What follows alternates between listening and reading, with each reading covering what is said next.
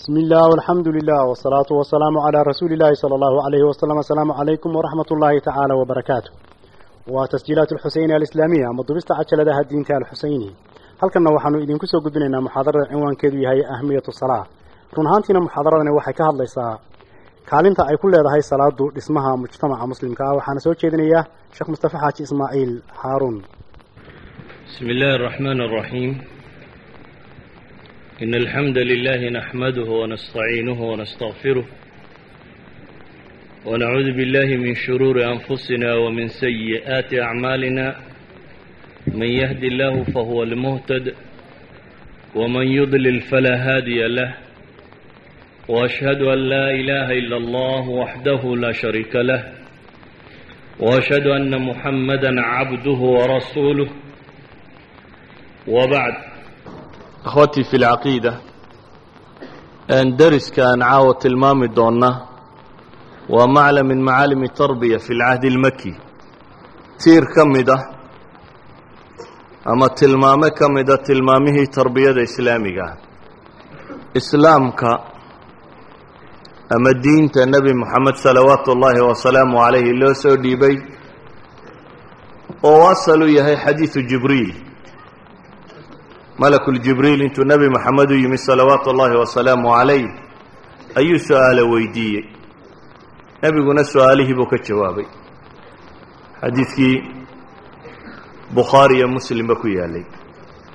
Wuxuu nebigu tilmaamay islaamku inuu arkaan shanaleeyey iimaanku inuu lix yahay iyo ixsaan. Dabeetana nebigu wuxuu ku tilmaamay salawaatu ullaahi wasalaamu calayh kaasi wuxuu ahaa jibriil oo idinku yimi inuu diintiina idin baro. Idan diintu xadiidkan bay ku koobantay ama usuusheedii uu ku dhan yahay. Waxaan rabnaa inaan tilmaamno shay ka mida markaasi usuusha xadiidkaasi uu sheegayo oo ah arkaanul islaamka uu nebigu yidhi islaamku wuxuu ku dhisan yahay shan. Midi waa laa ilaaha ila allah muxamadun rasuulu اllah ama kalimatu tawxiid aw shahaadatayn waa caqiida iyo arkaan camaliya oo afara. Waxaan wax ka tilmaamaynaa marka kan rukun ka mida arkaantaasi camaliga ah. Alaa wahiya asalaa kama hadlayno salaada iyo waajibkeeda salaada iyo arkaanteeda salaada iyo waxay ku asaxdo salaada iyo muhimadeeda laakiin waxaan tilmaamaynaa sida ay muhiim ugu tahay bulsho muslima dhisideed oo nebigu salawaatu ullaahi wasalaamu calayhi cahdi aan dowlad islaami jirin oo masaajiddo cusub oo la dhistay aanay jirin. Allahuma ilaa masaajidkaa dee xaramka ee isagaa dhowr boqol saddex boqol iyo dhowr iyo lixdanka sana miyaaleen mooyaane aan masaajid kale joogin. Waan meel la ysugu yimaadoo kale jirin ayaa ilaahay subxaanahu wa tacaala salaada ku waajibiyey. Taa macnaheedu waxa weeyaan salaadu inay tahay waxa abuura bulshada muslimka ah. Waxa in badan dadka maanta ay ka fakerayaan xagga gaalaa jirto xagga gaalaa jirto halkan waxbaa la isku garaacaya. Maadaa nacmal bay dadku isweydiinayaan. Waxayn leenahay arkaantii islaamka ama dadka muslimiintaa dhisaysay baa u baahan inaynu dib u milicsanno waxaa u baahan inaynu dib u milicsanno salaadaas. Waa asaas bay u tahay baynu leenahay takwiin alumma alislaamiya walidaalika iyadoo aan arkaanta kale la waajibin baa ilaahay salaad waajibiyey. Waxaa intaasi dheer nebi moxamed salawaatu ullaahi wasalaamu calayh markay naftu ka sii baxaysee ugu dambaysayna waa wuxuu dardaarmay. Yacni qofku marka uu dhimanayo ee uu og yahay inuu dunidatan ka tegayo ee uu isleeyay dadkii uu ka naxayay u dardaaran. Waxa uu dardaarmaa waxa ugu weyne uu isleeyay dadka uga sii tag. Nebi moxamed salawaatu ullaahi wasalaamu calayhi wasiyaadkiisii ugu dambeeyey bale naftu markay ka sii bixi doonto wasiyadu lahaa asalaa asalaa wamaa malakat aymaanukum sida xadiidka abi daawuud iyo keyrkiiba sheegayaan sheekh albani saxiixa ku tilmaamayo asalaa asalaa waa wuxuu nebigu ku dardaarmay ugu sii dembeeyey salaadda waa shaygaasi mansiladeeda aynu wada naqaano nusuus badan iyo axaadiis aada u tiro badani ku soo aroortay. Ilaa xad culimmadu ay tilmaamaan arkaanta kale dhulkaa lagu waajibiye meel bini aadam gaadho halkii ugu sarraysay markuu nebi moxamed marayey salawaatu ullaahi wasalaamu calayh in la faray leylat lmicraaj haddaynu dib ugu noqonno qur'aanka makiga ah waxaynu dareemaynaa inay salaadu ka mid ahayd waxyaabihii towxiidka la socday. Waxaynu dareemaynaa inay ka mid ahayd waxyaabihii nebiyadii hore ilaahay subxaana wa tacaala uu soo faray. Sideedaba arkaantan shanta ahi haddaad nusuusta qur'aankaa dib ugu noqoto waxay ka mid yihiin diimihii samada ka soo degay waxyaabaha ay wadaagaan. Intooda badani hadday xajtay hadday soontay hadday salaad tahay hadday zake tahay kayfiyaadkeedun baa kala gedisnaa mansilada ay ka taagantahay waxaa kaaga filan ilaahay subxaana wa tacaala wuxuu ka warramayaa abulambiyaai ibraahima calayhi salaam. Nebi ibraahim oo ilaahay baryaya. Oo maxay ka baryaya rabbi ijcalnii muqiima aلصalaة wa min duriyati rabbana wataqabal ducaa nebi ilaahay baryaya subxaana wa tacaala oo gacmaa kor u taagaya oo waxa uu ilaahay weydiisanaya ay tahay inuu alle ka yeelo mid salaada ooga ahmiyadeeda waxay tilmaamaysaa inay hidaaya gaara u baahantay salaada oogiddeedu hidaayo gaara inay u baahan tahay sidaa daraaddeed baa abulambiyaa intuu ilaahay baryay subxaana wa tacaala ayuu ilaahay wuxuu weydiisanayaa inuu alle ka yeelo mid salaada ooga. Haddaynu qur'aanka akhrino waxaynu arkaynaa ambiyadii hore nebi ciisoo leh qaala inii cabdullah aataaniya alkitaaba wajacalanii nebiya wajacalanii mubaarakan aynamaa kunt wa awsaanii biاlsalaati waazakaati maa dumtu xaya nebiyullaahi ciisa oo le ilaahay baa subxaanahu wa tacaala ii dardaarmay amase i amray i faray salaad iyo zako inta aan noolay. Waxaynu qur'aanka ka dareemaynaa iyadoo nebi muuse markii towxiidka loo dhiibay salaadana loo dhiibay walidalik baa ilaahay subxaanahu wa tacaala qur'aanka wuxuu inoogu tilmaamayaa saacaadkii koowaad ee waxyibo nebi muuse ku soo dego waxaa lagu yidhi waan اkhtartuka faاstamic lima yuuxى inanii ana allahu laa ilaaha ilaa ana faacbudni waaqimi الصalaaةa lidikri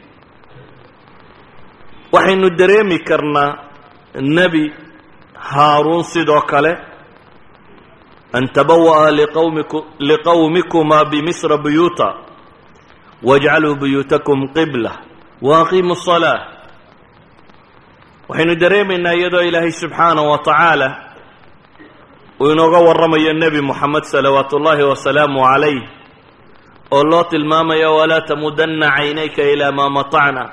Ilaahay uu tilmaamayo waxaan bidhbidhkan adduunya zahrat alxayaati dunya inaan waxba isku mashquulin oo indhaha u taagin. Maxay samee baa lagu yidhi? Wa'mur ahlaka biاsalaati wastabir calayha laa nas'aluka risqa naxnu narsuquk waalcaaqibatu litaqwa idan qur'aanka markaynu u fiirsanno makiga ah qur'aanka aan akhriyay waa qur'aan makiya qur'aankaasi makiga ah markaynu u fiirsanno ilaahay subxaanahu wa tacaala iyadoo maka la joogo ayuu muslimiinta salaad uga warramayay loo warramayay ambiyadii hore iyo salaaddu halkay ka taagantay loo warramayay nebi moxamed salawaatu ullaahi wasalaamu calayh iyo wixii alla faray bale qur'aanka ilaahay wuxuu ku tilmaamayaa luqmaan alxakiim mid xikmad la siiyey oo luqmaan la yidhaahdo. Luqmaan xikmaddii ugu weynayd ee uu ilmihiisa kula dardaarmaya waxaa ka mid ahayd yaa bunay aqimi asalaa yaa bunay aqimi asalaata waamur bilmacruufi wanha can ilmunkar inahaasi oo dhan markaynu isku darro waxaynu leenahay salaadu waxaa laysfaray inay noqoto usuusha koowaad ee islaamnimadu ka indilaaqdo ama si ay ka bilaabanto. Inay noqoto waxyaabaha ugu waaweyn ama tiirarka ugu waaweyn ee islaamnimada qofka muslimkii ay ku taagan tahay. Waxaynu dareemi karnaa hadday qur'aanka makiga ah sidaa ku ahayd markii nebiga salawaatu ullaahi wasalaamu calayhi uu hijrooday ee uu madiine tegey markan hore afraad baa la binaynayay mujtamaca biniyadiisii koowaad usuushiisii koowaad waxay dowladdu islaamkii ku dhismaysay qof qof buu ahaayo afraad dad fara ku tiris oo la tirin karayo oo reer maka ah laakiin salaadaas bay ahayd wixii lagu kobciyey madiina markuu tegayna nebigu salawaatu ullaahi wasalaamu calayhi wuxuu bilaabay dowlad islaamiya inuu dhiso. Wixii koowaade uu mujtamaca u qabtay nebigu waxay ahayd inuu dadka u sameeyo meelihii ay ku tukan lahaayeen ee ilaahay kula xidhiidhi lahaayeen. Markuu madiine tegey cawaalideedii koowaad markuu degay bani cawf masjidu quba ayuu nebigu dhisay. Afariyo toban casho kadib ayuu madiine u dhaadhacay madiine markii uu tegeyna wuxuu ugu horraysiiyey nebigu sameeyey masjid nabowi intaanu guri dhisanin nebi moxamed salawaatu ullaahi wasalaamu calayhi uu dego ayuu wuxuu dhisay meeshii ilaahay lagula xidhiidhayay subxaana wa tacaala. Masaajid. Waxay culammadu yidhahdaan dowladdii islaamiga koowaad wuxuu nebigu ku bineeyey saddex shay bay yidhaahdaan xidhiidhka basharka iyo alla u dhexeeya in la xoojiyo salaada oo masaajid loo sameeyey. Laba mujtamaca dhexdiisa in la ysku xidho oo walaaleeyey. Dadkii ansaartii iyo muhaajiriintii si islaamnimadoodu ay u adkaato ou dad aan rixim walaalo ku ahayn uu nebigu walaalo ka dhigay. Haalisul amr waxay ahayd heshiisyadii uu la galay muslimiinta gudaha joogta iyo gaaladii kale ee aan markaasi mawaaciiddii ama cuhuuddii ama mawaahiiqdii uu la qortay yuhuud iyo mushrikiin iyo dadkii kale. Waxaynu arkaynaa markaa usuushii lagu bineeyey dowladda islaamiga ay hadday tahay maka markii la joogay afraadda la dhisayay salaad bay ahayd. Hadday ahayd markii madiine la tegay wixii lagu bineeyey salaad bay ahayd. Ilaahay qur'aanka wuxuu inoogu tilmaamayaa kale. Marka la tilmaamayo ummad islaamiya markay dhisanto camalka laga rabaa muxuu yihi waynagan le dowladdu muslim ha noqoto dowlad islaamiya ha la dhiso shareecada ha lagu dhaqmo. Shareecada lagu dhaqmayo maxaa u horreeya ilaahay qur'aanka wuxuu ku leeyahay aladiina in makannaahum aqaamuu salaa waxaa lagu bilaabay dowladda haddii laydin makansiiyo aladiina in makannaahum kuwaba ilaahay leeyahy marka aanu makansiino dhulka ee iyagu ay xoog bataan ee ay noqdaan dowlad islaamiya oo jirta ay noqdaan bulsho muslim oo jira waxa laga raba inay qabtiyo koowaad muxuu yihi aqaamu salaa baa ilahay yidhi. Idan camalka koowaad ee dowlad islaamiya laga rabo inay qabataa isaga laftiisa waxa weeyaan iqaamatu salaa salaadda in la oogo. Salaadda markaa oogisteedu haddaynu nidhi cahdigii makiga ahaa salaad baa la ysfarayay qur'aankii makiga ambiyadu ka warramaya iyadoo salaad la farayo ka warramaya. Nebi moxamed markuu madiine tegey salaad buu ka bilaabay iyo masaajideedii in la hagaajiyo. Salawaatu ullaahi wasalaamu calayh ilaahay wuxuu inoo tilmaamay dowlad haddii laydin siiyo oo dadka muslimiinta ay dowlad helaan waxa laga rabaa inay dhisaan inay tahay?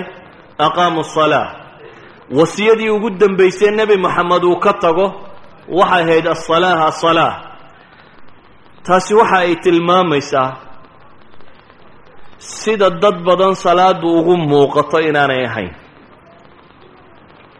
Waxaa laga yaabaa inaynu dadkani ka fakerayaan acmaal siyaasiyaa loo baahan yahay acmaal iqtisaadiyaa loo baahan yahay acmaal kanaa loo baahan yahy waxaba waxa ka horaysa acmaal salaada loo baahanya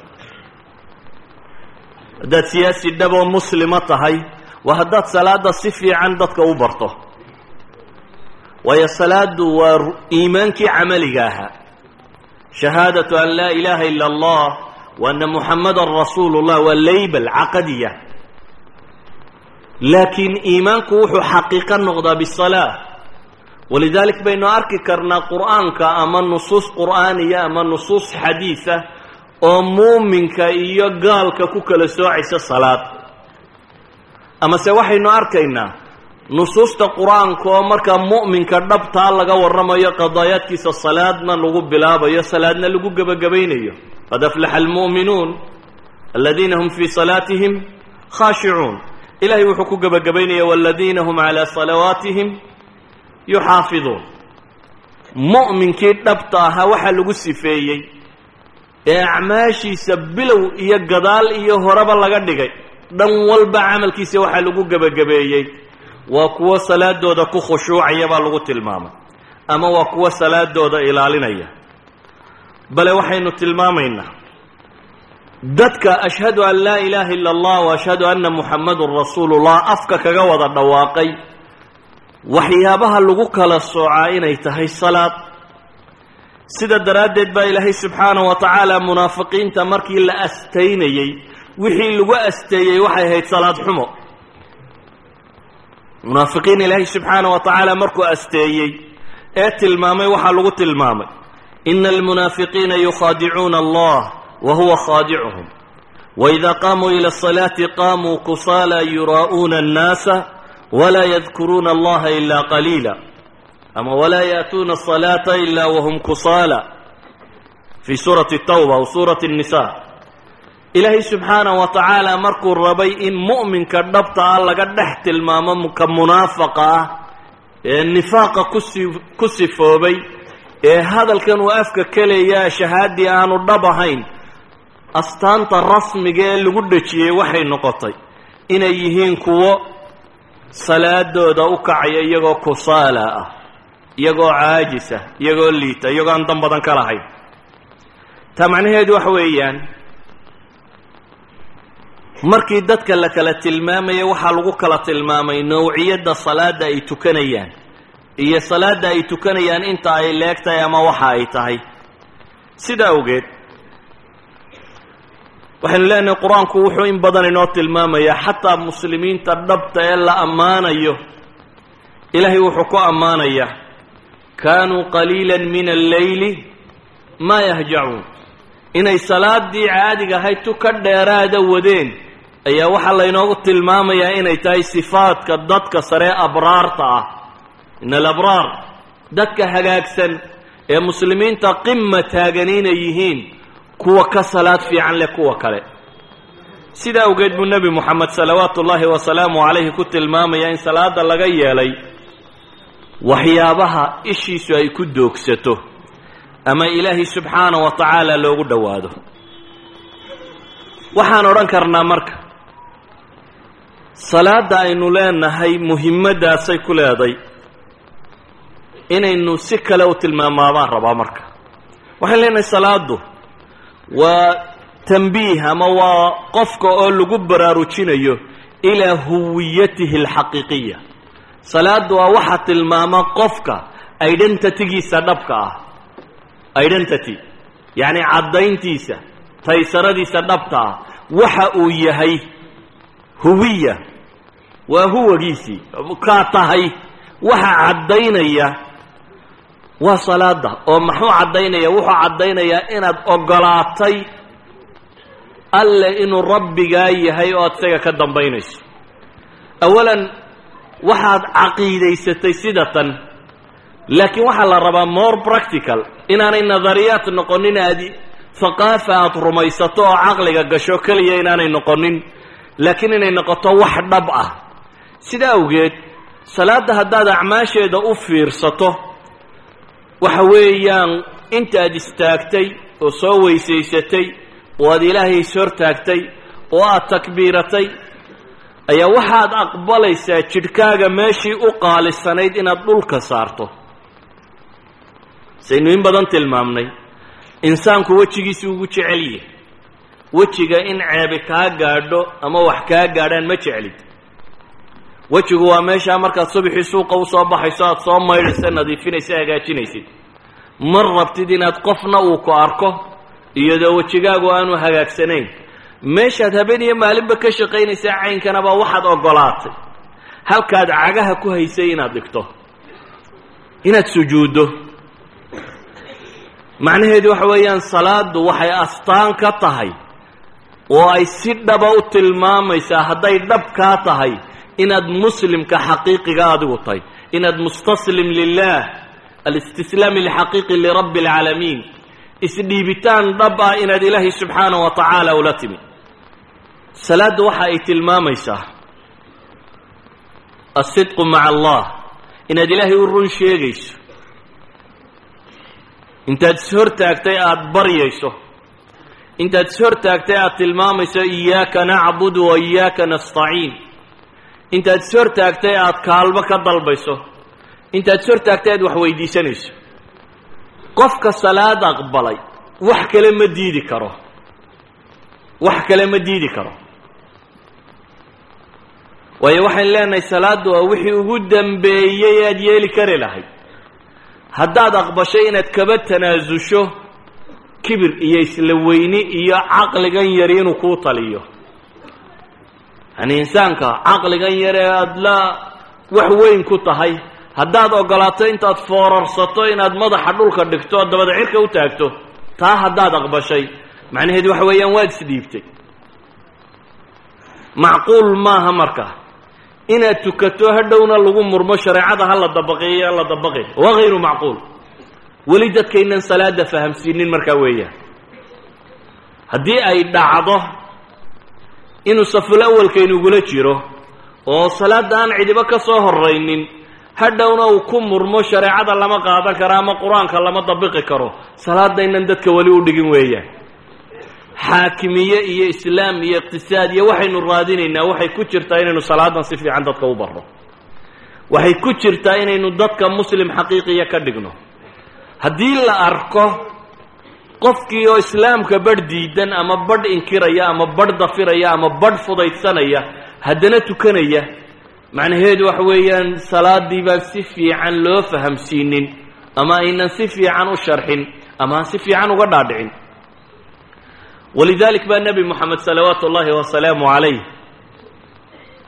dadkii gaaladee soo islaamayay waxyaabo badan buu ka aqbalay mid yidhaahdo anigu jihaadka ma awoodi karo mid yidhahdo anigu waxan ma qaban karo.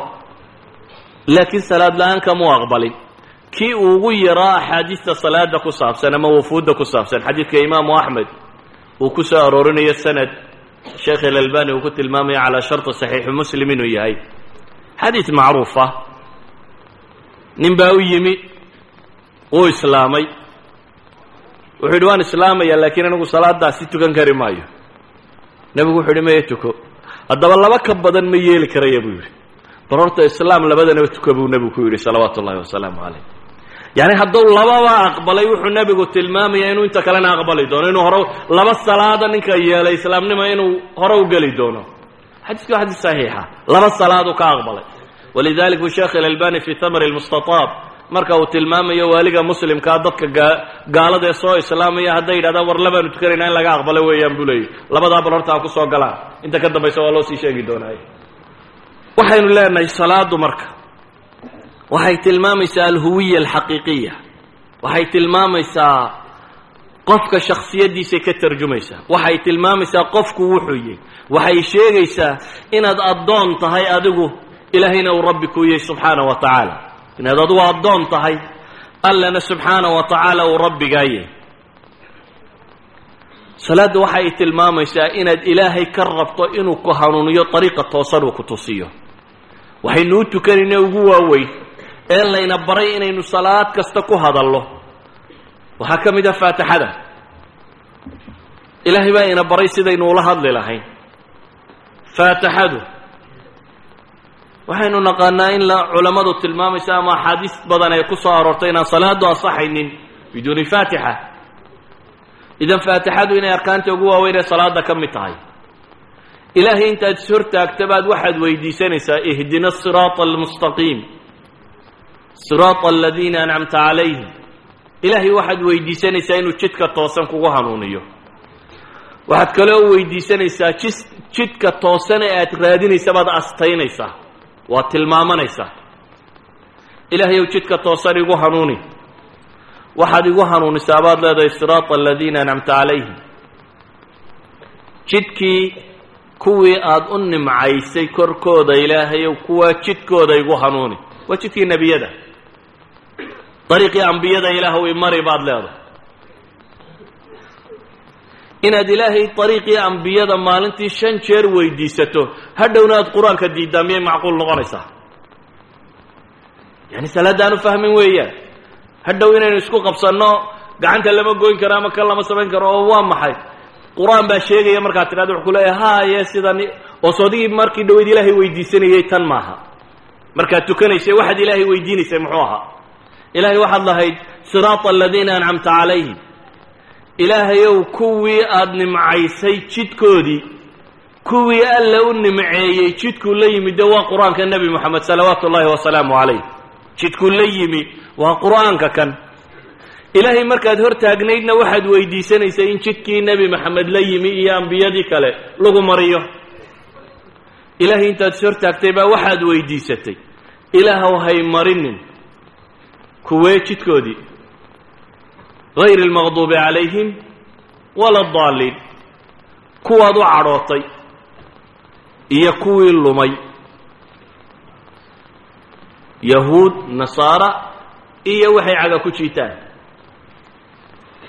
macquul miyay tay inuu ninka madaxda ama wasiirka ama madaxweyneha ama imaamka ama odayga ama sultaanka ama caaqilkii intuu shan salaadood tukado haddana ku yidhahdo qur'aanka qaadan mayno maha macquul shantan uu tukanayay wuxuu ku hadlayay baynan u sheegin weeyaan.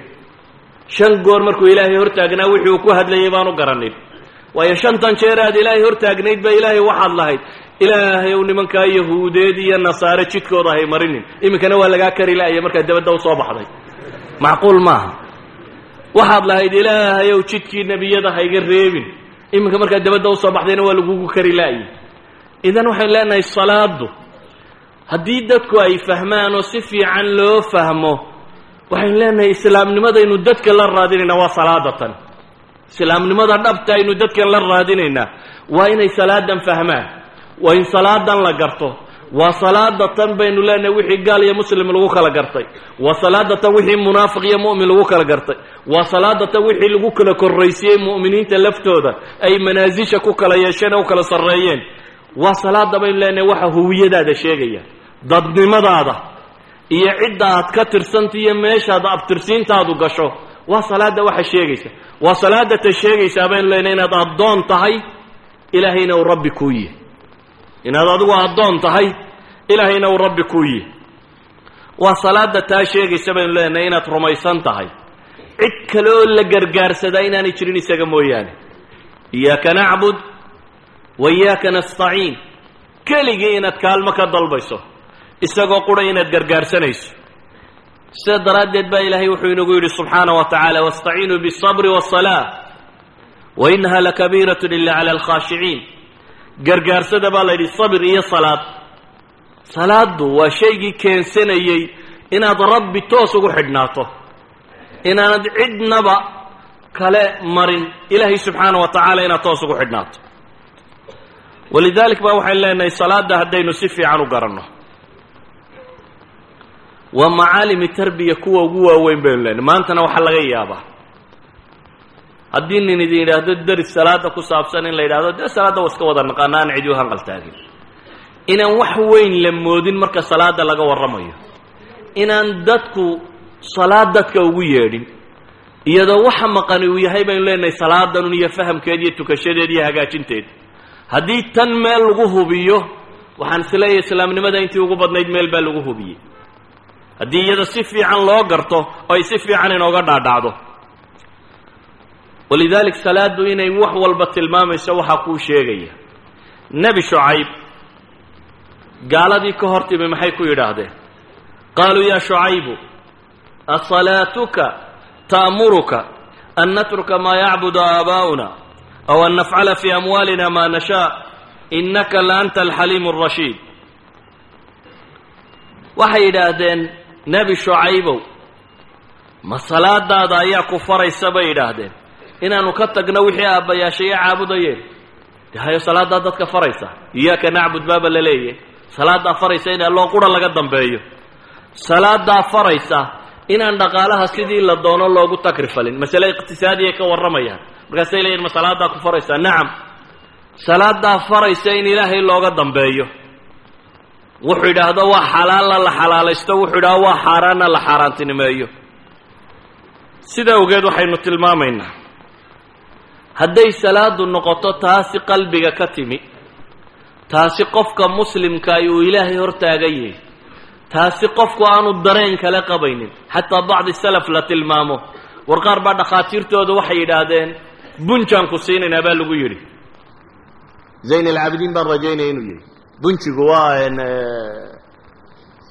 bahashan lagu sakhraamo. Bahashan morfinta tan dhirta laga soo guro. Geedkan yaree midhihiisa markay dhiidhiijiyaan ka mida mukhadaraadka la cabo. Mukhadaraadkaasi waxaa kaloo loo isticmaalaa in dadka lagu suuxiyo marka la qalayo. Dabeetana nabar baa la yidhi baa adinka kaga yaalay. Nin dhakhtara baa wuxuu yidhi waxaad u baahan tahay qalitaan. Qalitaan baan rabnaa inaan kuu samayno si qalitaanka loogu sameeyo baa la yidhi bunjaa lagu siinaya oo bunjigu caqliga ma dooriyaa buu ku yidhi markaasa la yidhi ha markaasuu yidhi cabbi maaya iga daayo. Salaad baan gelayaa markaan ilaahay ishortaago fafcal maa badaa lak. Wixii adiga kuu muuqda markaa yeel. Salaad buu galay. Markaasaa la qalay dabeetana. Adin laga qalay. Waxaa laga yaabaa inaad hariibsato insaanka maskaxdiisa waxay soo daysaa ama jidhkiisa wuxuu soo daayo hormoonno tiro badan oo marar badan xanuuno badan ilowsiin kara. Laakiin xadiidkii dee abi daawuudkaba ku yaallay ku noqee saxiixa. Xadiidkii labadii saxaabiye ilaalinayey maxay ilaalinayeen ciidankii muslimiinta ciidan muslimiina oo ka soo noqday gaalo meel la ysku galay soo noqday ayaa nin gaali soo dabagalay oo ku ballan qaaday inaanu noqonin inuu muslimiintaa waxyeelo mooyaane. Dabeetana laba saxaabi baa la yidhi gaadhka qabta. Labadii saxaabiy oo gaadhkii haya oo saxaabadii kale iska seexdeen ayaa labadii nin mid yidhi war waa yaro jiifsanayaaye kici. Dabeetana labadii nin ee gaadhkaabaa mid yaro jiifsaday. Kii kalena salaad buu iska galay. Salaadda isagoo ku jiru kii arkay inuu kaasi salaad ku jiro dabeetana gamuun buu ku dhuftay. Xabaddii koowaad baa mudday. Uma dhaqaajinay salaaddiisiibuu iska waday. Kii labaad buu ku dhuftay. Uma dhaqaajinay salaaddiisiibuu iska waday. Kii saddexaad buu ku dhuftay. Saddex gamuun markay ku dhacday ayaa xilligii rukuucda la soo gaadho wuu rukuucay. Dhiiggii isaga ka qulqulay ayaa camaar ibnu yaasir kani waa cabaad ibnu bashir camaar ibnu yaasir oo jiifo toosiyey dabeetana ninkiina markuu foorarsaday kii jiifayna uu sasanqadhay buu ninkii gaaleed iska cararay. Camaar baa markuu indhaa kala qaaday wuxuu arkay saxaabigiioo dee dhiig ka da'ayo. Waar maxaad ii kicin weyday? buu yidhi inta waxaanoo dhami kugu dhacayeen. Wuxuu yidhi waxaan necbaystay inaan qur'aan baan akrinayo kala gooyo. Salaad buu ku jiray.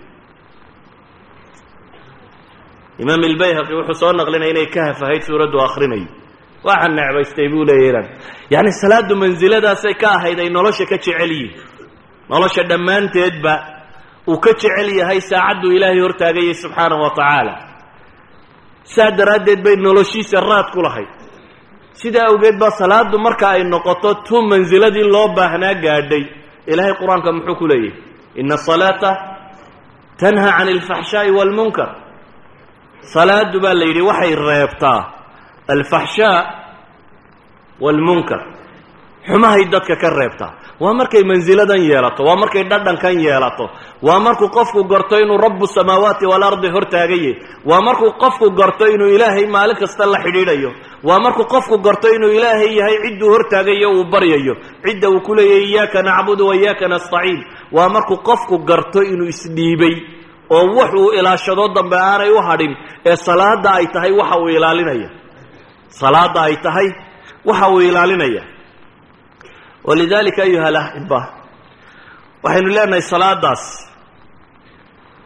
Haddii sidii islaamku uu jideeyey loola yimaado oo kitaabkiiyo sunnaa la waafajiyo oo aan shakliga iyo hay'adda sare laga waafajine dhammaanteed la waafajiyo. Madaahirteeda aan la ilaalin oo qudhe madaahirteedana la ilaaliyo muuqaalkeeda sare rukuucdeeda iyo sujuuddeeda iyo qaabkeeda iyo hay'adeeda oo dhan la ilaaliyo isla markaa la ilaaliyo macaanideeda iyo waxaan lagu hadlayo iyo ilaahay in la hortaagayo subxaana wa tacaala la garto. Iyadaa ah baynu leenahay waxaynu u baahan oo dhan tayna baraysa. Iyadaa quwa akhlaaqiya waxaa toosinaya dhaqankeenna iyo akhlaaqdeenna. Iyadaa ah baynu leenahay waxa ina baraya walaalnimada markaynu xayiga isugu nimaadne masaajid yar isugu nimaadne jaamaca isugu nimaadne salaad ee saf aada gasho ee safka aada hagaajisato ee haddaad sufuufta hagaajisato ilaahay qalbiyadeenna waa isku toosinaya. Haddaynan hagaajinna ilaahay waa kala jeedinaya. Ee uu noqdo meel ay isugu yimaadaan kii madaxweynaha iyo kii wasiirkaha iyo miskiinka iyo faqiirka iyo taajirka iyo meel aan cidnaba laga waayaynin ay noqoto meel aynu musaawaadka iyo dadnimada iyo walaalnimada ku baranno meel ay noqoto bulshada muslimkaahi waa naadiga rasmiga isugu yimaadaanee maalintii shan jeer soo galaan. Masaajiddu halka bulshooyinka kale ay u baahdaan naadiye dadku isugu yimaado ah garoon kubadeed iyo meel heesaa ka tuma iyo waxaasi oo dhan. Baahi badan looma qabo hadday salaadu tii nebi maxamed tahay. Laa kubad walaa mid kale baahi looma qabo. Waayo nawaadi rasmi oo maalintii shan goor qofku muslimkii gala buu leeyay oo ah masaajidatan iyadaa meesha mujtamacu isku barto iyadaa meesha la isugu yimaado meesha lagu xidhiidho qof kastoo aad u baahato markuu muslim dhaba dadku yahay shanta salaadood mid unbaad masaajidka ka helaysaa maca madaxweynaha cidiba kaa libdhi mayso cid walba waad soo helaysa yacni waa bulsho isku xidhan oo meel qura wada jeeda. Iyadaa ah baynu leenahay waxaa nidaamkayna baraya iyo kala dambaynta. In nin quri inoo taliyo imaamooyinteenna kale aynu daba taagno nin quri inuu waktiga inoo hayo inagu dee soomaalida waa iskaga qabsanaa war salaada miyaad aqiimayniyo maxaad uga ukici weyday? Qolada meesha haysataba maba eegnaba. Haddaad kan maamulkiisa raaci weydo ku ka sarreeyana weligaa maamulkiisa raaci mayso. Yacni maamulka halka lagu barta waxaa ka mid a masaajidan. Inaynu garanno imaamka khatiibka mu'adinka dadka ina hagaya ina hogaaminaya aynu u garanno inay ilaahay xaggiisa inoo hagaan. Inaynu uga dambayno. Iyadaa meesha aynu nidaamka ku baranayno iyo dadku kala dambaynta ay ku baranayaan. Iyadaa ah baynu leenahay xata ariyaada waxayna yidhaahdaan iminka waa khurusamano cunada la isku badiyey. Dabeetana dadkii baa buurbuurtay. Markaa qofku kama maarmo baa la yidhi inuu ordo iyo jenistic cayaaray iyo waa kan. Atibada dhabtahay waxa ay tilmaamayaan muslimka salaada si fiican u tukada ee salaada iyo sameeye bay yidhaahdeen jamaca inuu tago inaanu exercise kale u baahnayn. Salaadu gurigaaga ugu dhow waxaa laga yaabaa shan daqiiqo in laga soo socdo. Haddaad shanta jamac ilaaliso shan daqiiqana waad soo soconaysaa shan daqiiqana waad sii soconaysaa. Waa toban daqiiqo soo maaha. Shan salaadood ku dhufo waa imisa konton daqiiqo nin konton daqiiqo lugeeyey ma wax kale u baahan yihi imika waxa la yidhaha nus saace orod iyo nus saace luge war nus saacana ha lugeyna shanta salaadood masaajidka tag intaad gaadhiga iska dhigto shanta salaadood ee jamaca oo aad masaajidka xaadirto ayaa kuugu filan. Bale atibada rasmigii waxay maanta tilmaamayaan sujuuddan iyo rukuucdan iyo qaabkan jidhka loo fadhiistaa xataa inay yihiin qaababka ugu fiican ee circulationka dhiig wareega bini aadamka ka qayb qaata fadhiyadana taxyaadka iyo jalsada dhexeeya kuwan saa loo fadhiisanaya. Idan xataa tib uma baahnin riyaado ina bara. Waxaan leenahay war salaadaasi haddii aynu sidii nebi maxamed sheegay salawaatu ullaahi wasalaamu caleyh haddaynu u ilaalino oo ay noqoto sidii kitaabka iyo sunnaha ku qoraa waxa ay noqonaysaa nolosheennu waxaynu uga baahnayn oo dhan baynu helaynaa nolosheenna waxaynu uga baahnayn oo dhan baynu helaynaa walidaalik waxaynu leenahay salaadu maadaama ay noocaa tahay waa rakiiza ugu waaweyn ama waa maclam macaalimu tarbiya alislaamiya ugu waaweyn saa daraaddeed ba qofka muslimka ah noloshiisa oo dhan lala xidhiidhiyey marnaba inaanay ka maqnaanin waa cibaadaadkaasi dee gooray dhacaanba waa marka caqligu kaa tago. Ama dumarku inta yaray acdaarta leeyihiin ee ilaahay ka reebay. Haddaad xanuunsanayso haddaad bugto haddaad jiifto haddaad ordayso haddaad dagaalamayso haddaad si kastoo aad tahay inaad ilaahay ku xidhantid kama maarantid. Qaabka ilaahay loogu xidhbee practicalkiina waa salaadun qaabka dhabta ah ee loo wardiyo ee loo qur'aan akhriyo ee loo qofka muslimka ee salaadaha si fiican u tukadaa adkaar intii ugu badnaydna wuu akhriyi karaa. Intii ugu badnayd ee qur'aana wuu akhriyi karaa. Waayo nebi moxamed salawaatu ullaahi wasalaamu caleyh xataa qur'aanka si uu akhriyi jiray. Dee waata laynoo tilmaamayo sunankiisa. Intuu salaad sunna a galay inuu baqro dhameeyey oo alicimraan dhameeyey oo nisaa dhameeyey oo qur'aankaba dee in badan hal ragca uu ku tukaday. Idan waxay ahayd qaab ay u wardiyaan. Innaga salaadda waxaa laynaga baray inta ugu yar. Waxaynu haysanaa salaadu inta ay ku asaxdo ama inta ugu yar saddex goor baa subxaana la war saddex waxbaa odhan haddaad doonayso milyan jeer dheh wax kaa mamnuucaya ma jira. Waa qaab loo wardiyo ilaahay loogu xidhmo. Adiga maxaa kugu xidhay un mar kasta inta ugu yar? Haddii la yidhi nebi maxamed afar jis shan jis buu hal ragco ku tukaday in leegna wuu rukuucsanaa muxuu akrinayay inta leega uu rukuucayay. Awraadu muddo akrinayay waa subxaan allahdan wixii la waday. In leeg markuu sujuudsanaa muxuu akrinayay subxaan allah unbaa la akrinayay de. Sida daraaddeed salaadu waa meesha qofka muslimkii xisbigiisa qur'aanka uu ku akriyo oo wardigiisa uu ku akriyo oo exercisekiisa uu ku samaysto oo wuxuu u baahayo o dhan uu ku sameeyo. Idan waxay leenahay hadday salaadu haddaynu siday tahay u ilaalino sunno iyo faralkeedaba. Ilaahay in lays hortaago haddaynu say tahay u ilaalino waa waxaynu u baahanay walidalika ayuha alaxiba dariska kan waxaan caawa u tilmaamayaa dad badan baa waxay garan lahayiin wixii dadkaba loogu yeedhi lahaa halka la iska xidho halka la iska qabo maxaynu samaynaa? Waxaad samaysaa adna si fiican u tuko dadkana salaada bar. Mujtamaca kanaynu la noolnay intaan tukan baa ka badan inta tukata. Mujtamaca kanaynu la noolnay inta tukata inta salaada saxda iyo inta aan saxin anigu waxaan isleeya inta aan sixin baa badan. Mid faatixa maroorsan ku tukada iyo mid arkaanta kale marooriyaba. Markaynu eegno mujtamaca kan qof kastoo inaga midi daaci buu noqon kari lahaa diin buu sheegi kari lahaa. Waayo mid aad salaad u saxda maad weydeen mid aad faatixa u saxda maad weydeen mid aad salaada barto oo ka soo qabato suuqa maad weydeen. Ha moodin markaad intaan qabanayso inaad wax yar qabanayso waa wixii diinta ugu weynaa bacda tawxiid. Gaal aad islaamnimo ku soo darto wixii ku xigay dee waa salaada qof barto. Idan tii baad dayacantay markaase waxaynu raadinaynaa qadaayaad kaloo siyaasiya iyo shirka maa laga qayb galo iyo halkan maa laga qayb galo war dadkan masaajidda ku ururi intaad waxa kale iska dayso. Bale midharhka iskaga ururinaya masaajidaase in kaleba uu garan waaye ayaa la idhahaa waa tabliiq kuwan iyo wax badan ma yaqaanin salaad salaadun bay sheegaan dhaafin maayaan dadka salaada oo adigu haddaad salaadiiba ugu yeedhi weyday maxaad sheegaysaa? Yani waxa la sheegaye ugu weyni waxay ahayd bacda tawxiid in dadkan salaad la baro. Bacda tawxiid in dadka kan salaad la baro. Walidalika ayuha alaxiba waxayn leenahay salaadda waa waxa mujtamac muslima sameeya. Salaadda waa waxa qof fardi muslima sameeya. Salaadda waa waxa bii'a islaamiya samaysa. Salaaddu waa waxa dowlad islaamiya samaysa. Salaadu waa dhaqanka iyo camalka laga rabo dowladda islaamiga inay qabato. Waxaynu dowlad islaamiya u raadinaynaa waa inay dadka salaada barto. Aladiina in fi lard aqaamu salaa ilahay wuxuu ina leeyay waa kuwa haddaanu dhulka makansiinno salaada ooga. Idan salaaddii waynugu dayacan tahay ragoo u agteena iyo dumarowba eh. Inana aan hagaajinno tii nebi maxamed ka dhigno salawaatu ullaahi wasalaamu calayh. Dadkana aan si dhabo salaada ugu yeedhno. Wallahu aclam wabillahi towfiiq weliba aan kelmad kalena idin raaciyo kelmadda aan rabo inaan idin tilmaamaa waxa weeyaan. Magaalada hargeysa waxaan arkayaa salaada iyo aadaankeedu in meelo badan ama muran badani uu ku jiro oo aan si fiican loo ilaalin awqaadda. Markaan taa leeyay waxaan uga jeedaa laba arrin midun baa fiicnayd inaynu ku dhaqanno. Qaabkii culammadeennii hore iyo dadkeennii hore ay u dhaqmi jireen.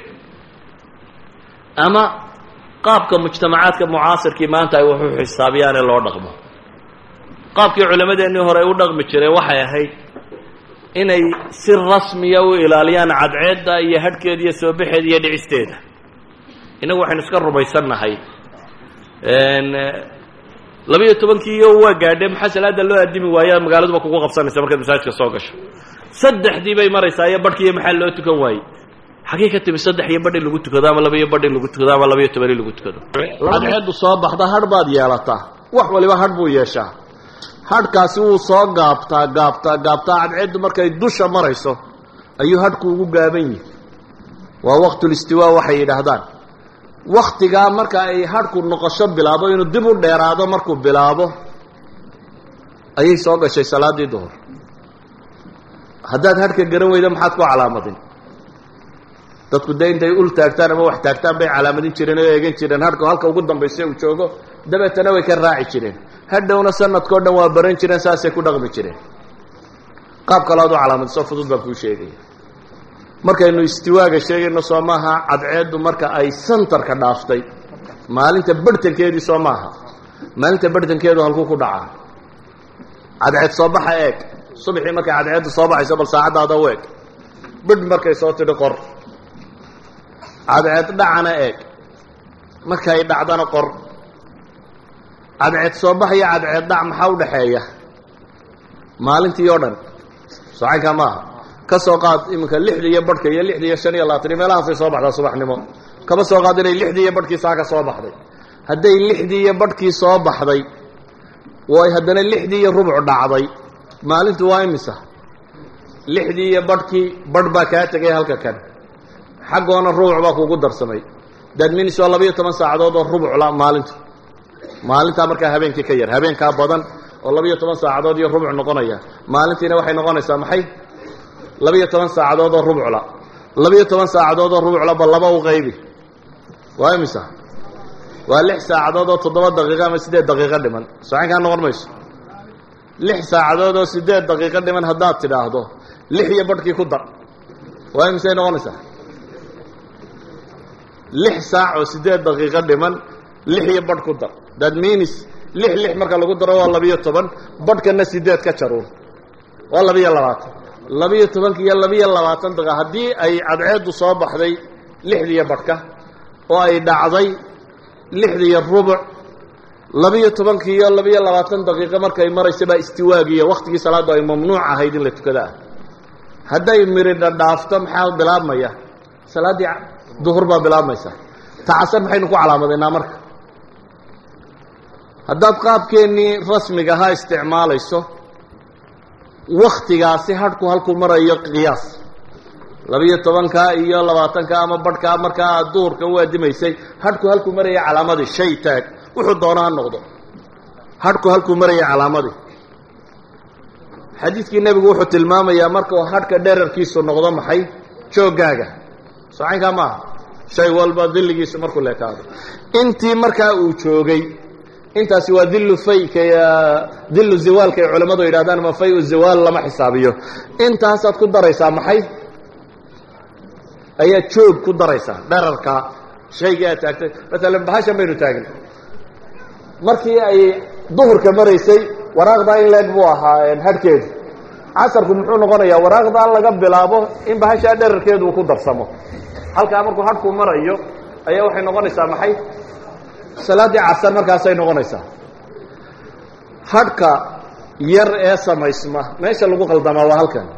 Meelaha inta badan qalad ka taagayna waa salaada casar.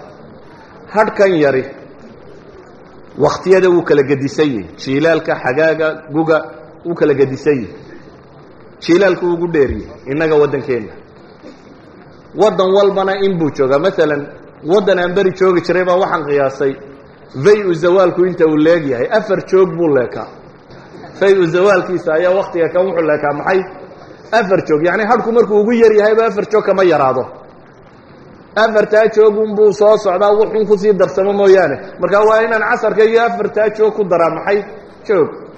Waddamo iga sokeeyey laba joog buu leegyahay qaar iga sokeeye joog buu leegyahay innaga waxaa laga yaabaa inuu nus joog meelahaa noqdo sidaa daraaddeed waktiga kan jiilaalka aynu ku jirno waa wakti u baahan waayo inagu equatorka xagga sare aynu kaga naallaa marka waxaynu ka mid nahay dadka uu jiilaalka ku dheeraanaya hadhku.